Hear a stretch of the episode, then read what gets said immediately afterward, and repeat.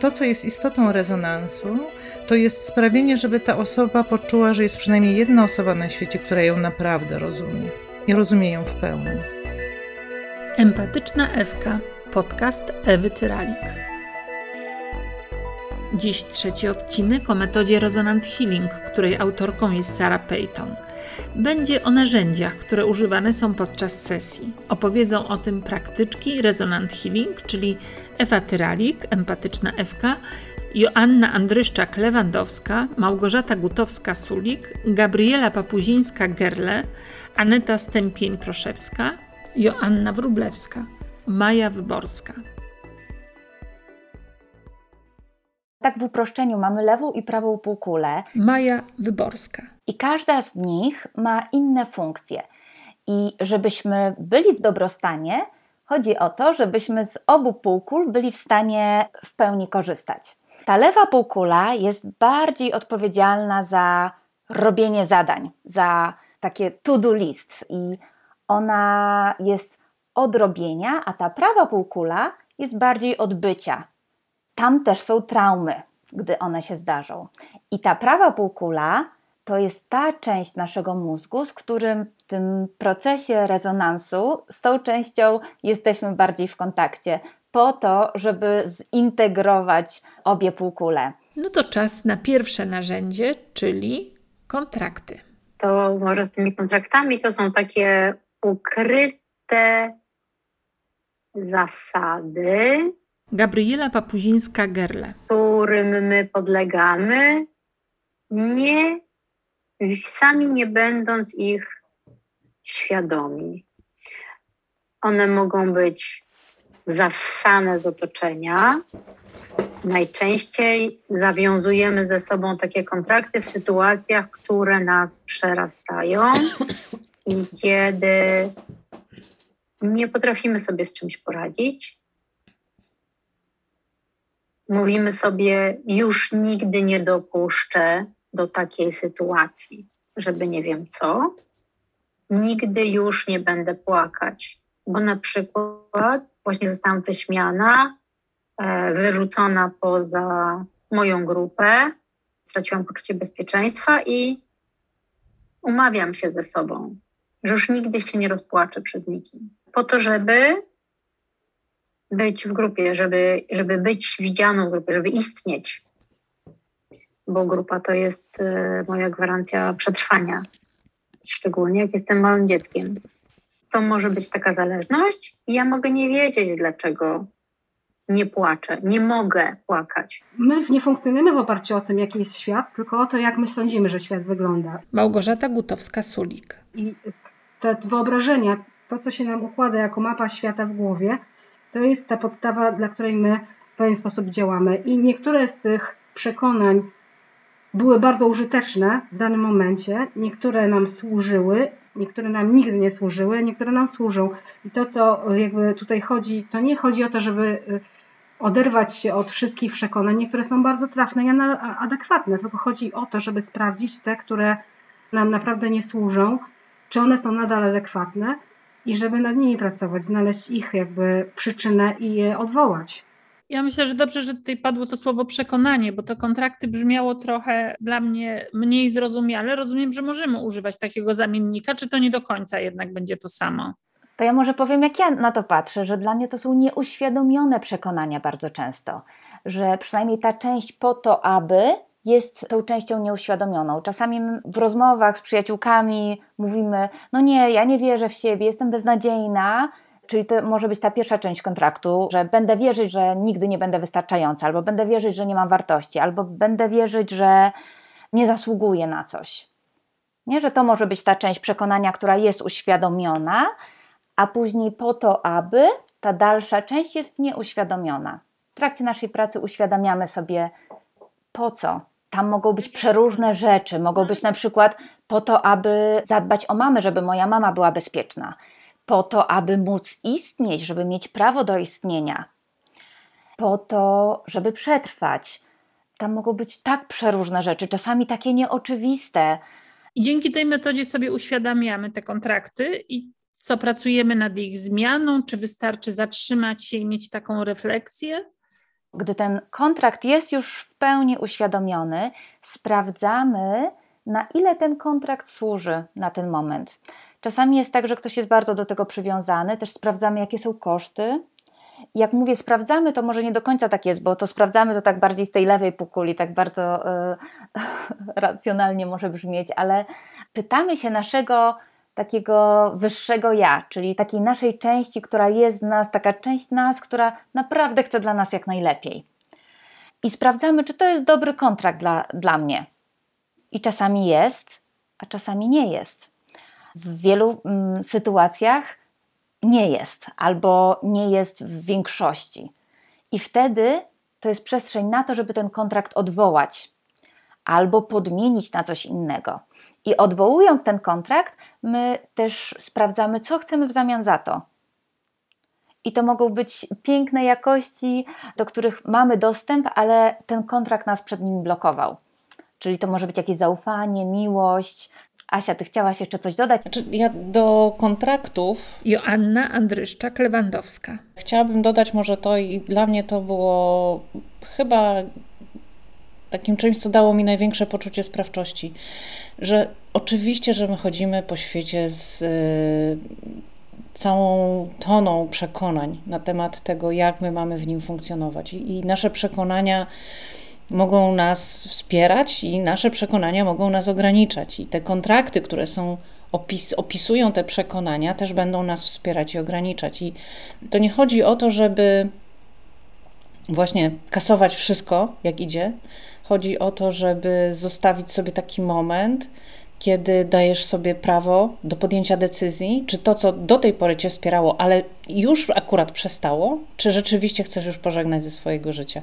I o tym jest ta procedura odwoływania kontraktów, procedura żegnania się z przekonaniem, które do tej pory było dla mnie skuteczne, powstało w momencie, który był dla mnie ważny, ale już dalej mnie nie wspiera i w tym momencie chcę go po prostu pożegnać ze swojego życia. Na tym polega Resonant Healing w pewnej części tej metody. Ale to jest trudne chyba. Oczywiście, że to jest trudne żegnanie się z przekonaniami, bo jeżeli coś było z nami przez 40 lat, to dlaczego mamy teraz to oddawać? I to jest taki moment walki, który pojawia się w każdym z nas, przy każdym takim procesie. I one oczywiście, że są emocjonujące same z siebie, te procesy. One wywołują emocje, no bo jak? Ale właśnie to, co powiedziała Maja, że pojawia się koszt i nagroda, pojawia się uświadomienie tego, czym płaciliśmy do tej pory za to, że takie przekonanie z nami w życiu było i co możemy zyskać dzięki temu, że to przekonanie ze swojego życia pożegnamy to jest kawałek,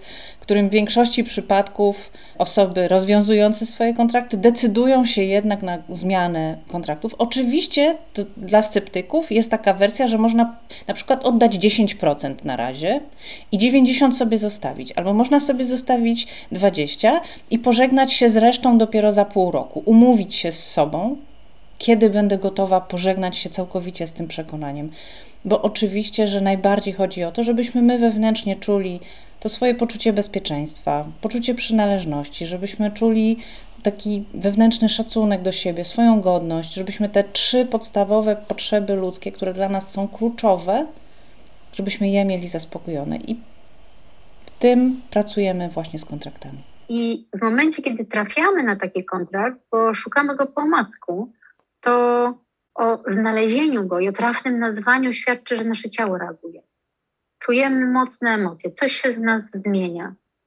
I czasem wystarcza chwila, żeby to przetrawić, a czasem potrzebne nam jest więcej czasu. To możemy dojść do wniosku, że nie, nie chcemy więcej tego kontraktu, on jest absurdalny.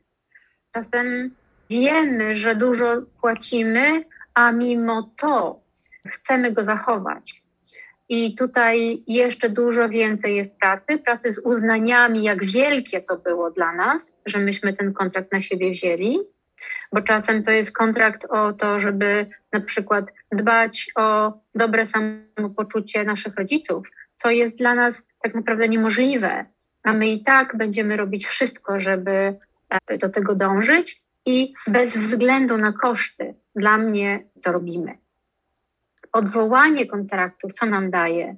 Przede wszystkim daje nam wybór, bo to nie znaczy, że my nie możemy się zachowywać tak, jak obiecaliśmy sobie wcześniej, Możemy dalej to robić, ale mamy więcej wyboru i w momencie, kiedy stajemy na tym rozdrożu, kiedy znowu spotka nas taka sytuacja emocjonalnie trudna, to możemy sami ze sobą sprawdzić, czy ja dalej chcę robić tak, jak robiłam, czy teraz chcę wybrać, robić inaczej. Mogę do tego dodać, że tak jak ja rozumiem e, i tak jak Sara nas uczy o kontraktach. Aneta Stępień-Proszewska. Że to są takie przysięgi, które nasz układ nerwowy zawiera.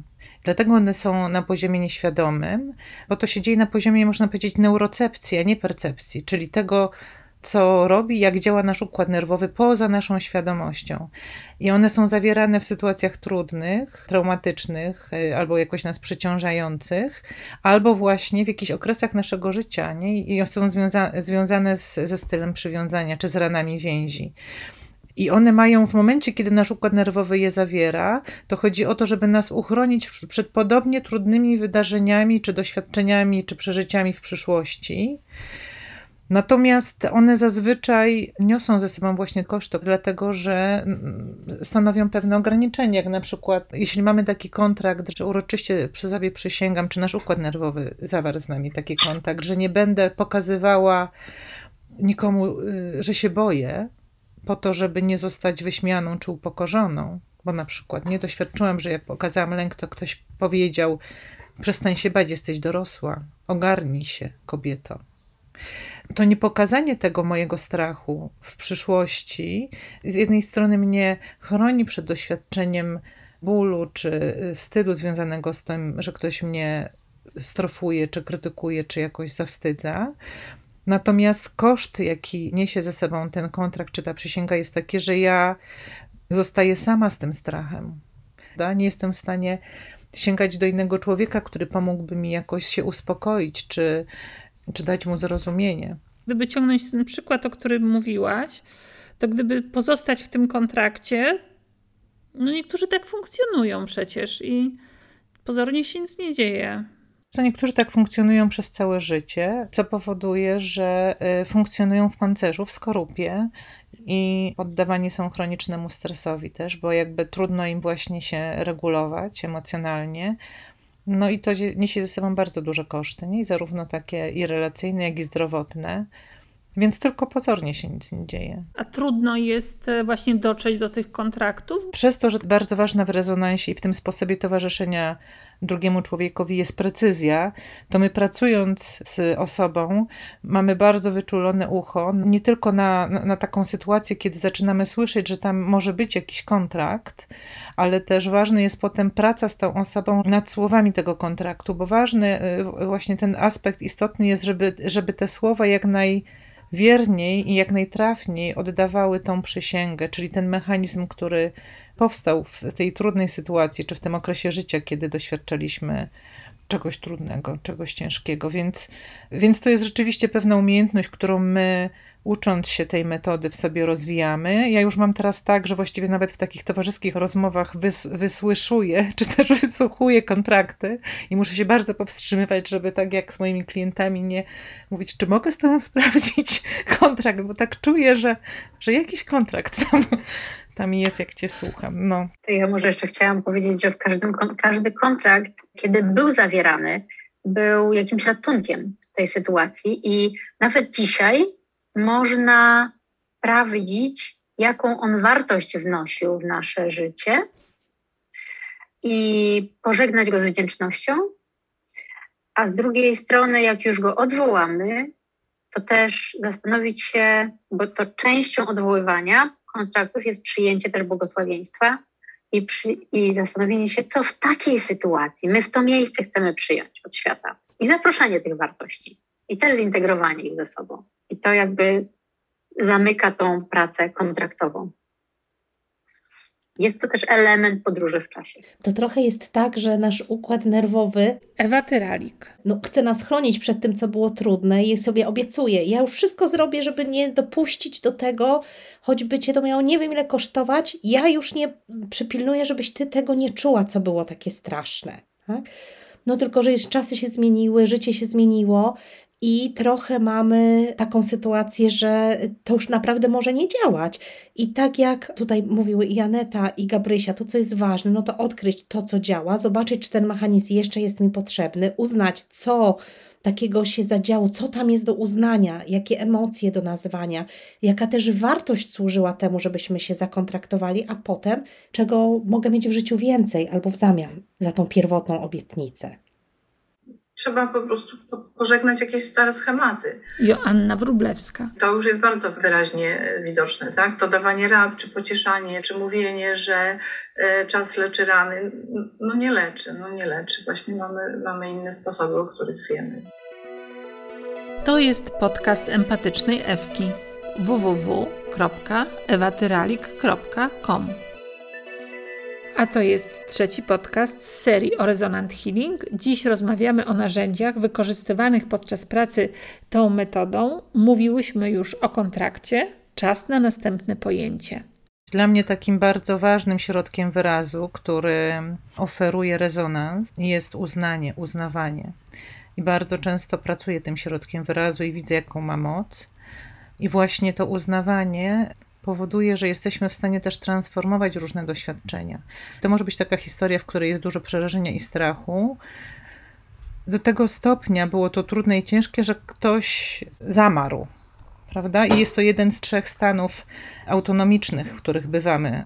Właśnie stan walki i ucieczki, stan zaangażowania społecznego i stan znieruchomienia, które się po prostu wyraża w tym, że całe nasze ciało zamiera, albo zastyga, albo drewnieje. To, co najbardziej pomaga wrócić dostarczyć ulgi, to uznanie. I wtedy na przykład możemy powiedzieć, czy chciałabyś uznać, że, że jesteś yy, zdrewniała, albo że wszystko w tobie zastygło? Czy to jest tak, że to był naprawdę szok i ten szok odebrał ci oddech? Nie, czyli my jakby uznajemy stan i próbujemy ten stan poprzez te, nazywamy to uznawaniem z angielskiego acknowledgement, ale tak naprawdę to, co nam tutaj chodzi, to jest o nazywanie stanu, nazywanie emocji, które temu stanowi towarzyszą. I możemy powiedzieć, albo czy chciałabyś, żeby ktokolwiek na tym świecie rozumiał, jakie tam było przerażenie w tej sytuacji. Nie? Albo czy chciałabyś, żeby, żebym jakoś wiedziała, jak bardzo cię to zaskoczyło, albo czy chciałabyś uznania ogromu przytłoczenia Albo mogę powiedzieć też, czy to było o niemocy? To wrzuciło cię w totalną niemoc? I to wszystko są przykłady uznania czy uznawania. Czyli ja nie odwołuję się do doznań w ciele, nie odwołuję się do w jakimś sensie odwołuje się do uczuć, ale, ale takich uczuć w powiązaniu ze stanem, ze stanem autonomicznym, z, z, tym, co się we mnie w danym momencie dzieje, jak ja doświadczam siebie i życia. Jak mówiłaś, to przypomniał mi się taki stan niemocy, takiego zdrewnienia. Miałam go dwukrotnie w życiu, raz w pracy, ale za chwilę nie pamiętam, co się wtedy wydarzyło, że, że się tak wkurzyłam na maksa. Ja wtedy najczęściej po prostu nie jestem w stanie mówić, tak? Więc pamiętam, że z pracy po prostu wtedy wyszłam, żeby dać sobie chwilę Natomiast e, drugi moment to pamiętam, jak e, mój mąż popsuł całkowicie szyki, które mieliśmy w związku z e, kupnem domu i postanowił go nagle wybudować. I ja wtedy nie na zasadzie zrobienia mu na złość urządziłam ciche godziny, tylko ja po prostu nie mogłam się odezwać ze złości. I teraz jak słyszałam to, co mówisz, jak, jak ty byś to nazwała, jakbyś to uznała, to ja już się poczułam lepiej, mimo że to jest doświadczenie sprzed 20 lat już czuję, że, że, że mi to y, pomaga. My, my, stosujemy ten, ten środek wyrazu zarówno do doświadczeń, nie? jak towarzyszymy komuś, kto właśnie do tego doświadcza, tego zamrożenia, czy znieruchomienia, czy zastygnięcia. I, i, i, I siła tego polega na tym, że właśnie wtedy nie masz dostępu do swoich zasobów mentalnych ani emocjonalnych, nie? że wtedy jedziemy na bardzo niskie energii, niskich zasobach. I to nazywanie tego pozwala nam się odmrozić. Pozwala po prostu uzyskać to przesunięcie w ciele nawet. Ale też stosujemy właśnie, też ciekawe jest Hania to, co mówisz, bo my stosujemy też właśnie te uznania, też jak wędrujemy z klientami w czasie do ich doświadczeń z przeszłości, które były trudne, traumatyczne, czy przerażające, czy właśnie przytłaczające, tak jak te, do, na, do których ty się odwołałaś, bo zwłaszcza zazwyczaj jak nas coś przytłacza, jest ciężko i doświadczamy bezradności, albo jest duży szok, to, my, to, to, to, to nas wrzuca w ten stan znieruchomienia i my wtedy, nazywając to w przeszłości, to doświadczenie, też pozwalamy temu, to doświadczenie transformować, uzdrawiać to, tą traumę czy to zranienie i przywracać siebie. Mówimy przywracać, bo część naszej energii życiowej jest uwalniana i przywracana jakby do tych zasobów obecnych. Jak powiedziałaś, część naszej energii życiowej jest przywracana. To jest jakiś dla mnie niezwykle ważny element RH i to też wiąże się z tym, co powiedziałaś wcześniej, że możemy tak po prostu głębiej żyć, bardziej żyć, że to jest o tym, że jak nie mamy do tego dostępu, to nawet trudno nam sobie wyobrazić, jak to może być, jak życie może smakować. I że to jest trochę tak, jak starać się opowiedzieć komuś, kto nigdy nie jadł czekolady, jak smakuje czekolada. I że to e, też pozwala na większą pojemność uczuciową, bo łatwiej nam jest być e, i z trudnością, i z bólem, i ze złością, i uznać wagę tych uczuć i tego, co one wnoszą do systemu, że rezyliencja nam rośnie dzięki właśnie temu doświadczeniu, że jesteśmy z drugą osobą trzymani przez jej obecność i możemy być w kontakcie z tymi uczuciami i że te uczucia są dobre, że nagle nie ma złych i dobrych uczuć, tylko wszystkie uczucia czemuś służą. I e, Healing też jakoś odtabuizuje bycie zależnym, bo my żyjemy w takim paradygmacie niezależności i autonomii. Natomiast Resonant Healing mówi tak, jesteśmy istotami społecznymi, potrzebujemy się strasznie. Dziecko, które przychodzi na świat i nie jest trzymane w ramionach, nie przeżyje i my cały czas potrzebujemy tej drugiej osoby, żeby nas trzymała. To doświadczenie bycia trzymanym w różnych naszych doświadczeniach nie tylko właśnie budzi nas nasz apetyt na życie, ale pozwala nam go na nie lepiej smakować. Mam też takie poczucie, że pomaga nam przechodzić przez trudne momenty. Mi przychodzi do głowy taka bardzo smutna sytuacja w naszej rodzinie, bo po prostu umarł nam piesek po 16 latach i to naprawdę był członek rodziny. I wszystkim nam było no, naprawdę niewyobrażalnie smutno. Ja tak bardzo się cieszyłam, zwłaszcza w stosunku do mojej młodszej córki, ale też do mojej mamy, która była bardzo z tym pieskiem związana, że ja nie próbowałam jej pocieszać, nie próbowałam jej wymyślać jakichś strategii zastępczych w stylu jest tyle innych piesków, które potrzebują pomocy, może by się jednak chciała kimś się zaopiekować. Nie, nie poszłam w tę stronę, tylko naprawdę pozwalałam sobie być w tym smutku, uznawać to, że jejku, mama, no jakoś chciałabym uznać, że to jest taki wielki smutek, bo straciłaś no, jedną z najbliższych ci istot na świecie. I widziałam, jak w mojej mamie ta żałoba mogła przepływać, to się mogło dziać. I kilka dni później byłam sama zaskoczona tym, jak na przykład moja córeczka, której też w ten sposób towarzyszyła, mówiła mi, wiesz, mamo, czasami są takie momenty, że jak sobie pomyślę o bądź, to mam taki smutek, że aż się cała rozpływam, ale potem sobie przypominam wszystko, co było dobre i jestem już taka radosna. Naprawdę to jest inna jakość życia. I można zarówno y, być w takim odbiorze, w czymś, co jest dla nas karmiące, dobre, radosne, ale też w czymś, co jest bardzo trudne. I ja mam takie poczucie, że to się nie zapisało w moim dziecku jako trauma, tylko jako doświadczenie straty, które można przeżyć. I wierzę, że jak na przykład kiedyś nas braknie, to ona będzie już to miała zakotwiczone w ciele. To jeszcze nie wszystko na temat narzędzi w Resonant Healing. O następnych opowiemy w kolejnym odcinku za dwa tygodnie. Będzie ciekawie. Ja chciałam Wam podać przykład, e, prosiłaś Hania o przykłady, innego środka wyrazu, którego mocy doświadczyłam wczoraj i on jest dosyć kontrowersyjny, bo to są przekleństwa. Za dzisiejsze spotkanie dziękuję praktyczki Resonant Healing, czyli Ewa Tyralik, Joanna Andryszczak-Lewandowska, Małgorzata Gutowska-Sulik, Gabriela Papuzińska-Gerle, Aneta Stępień-Proszewska, Joanna Wrublewska, Maja Wyborska – Podcast przygotowała torba reportera i podcastera.